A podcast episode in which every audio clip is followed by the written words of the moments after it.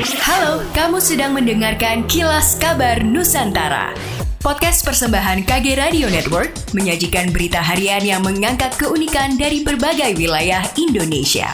Kilas Kabar Nusantara dapat juga didukung oleh pengiklan loh. Tidak hanya permukiman warga, banjirop yang melanda di kota Banjarmasin pada minggu malam lalu juga merendam sejumlah fasilitas publik seperti sekolah dan rumah sakit. Margareta Rosa, Humas Rumah Sakit Suaka Insan Banjarmasin mengatakan banjirop sempat merendam ruang instalasi gawat darurat IGD dengan ketinggian air di atas mata kaki orang dewasa. Beruntungnya air tidak sampai masuk ke ruang rawat inap pasien dan mengganggu pelayanan. Untuk antisipasi ke depan, ia mengaku akan berupaya meminimalisir air yang masuk karena untuk memindah ruang IGD cukup sulit dilakukan.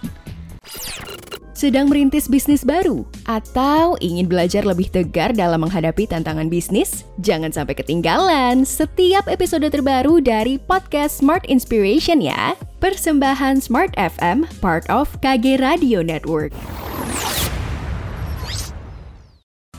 Gubernur Jawa Barat Ridwan Kamil meminta kepada seluruh instansi pemerintahan maupun badan usaha milik daerah BUMD untuk terbuka atau transparan kepada masyarakat. Karena menurutnya hal tersebut sebagai bentuk pertanggungjawaban kepada masyarakat. Selain institusi pemerintahan, Ridwan Kamil juga meminta kepada institusi publik lainnya atau organisasi yang mendapat hibah dari pemerintah daerah atau dinas untuk terbuka dalam membagikan informasi masyarakat. Karena institusi publik ini juga mendapatkan dana yang berasal dari masyarakat. Keterbukaan informasi yang dimaksud bukan hanya dalam hal uang, melainkan juga dari sisi kebijakan serta program yang akan dan sudah dijalankan. Menurut Gubernur, meskipun dalam hal keterbukaan informasi publik di Jawa Barat sudah di atas rata-rata nasional, namun diakui masih ada beberapa institusi pemerintahan maupun publik yang belum sempurna dalam penyampaian informasi secara terbuka.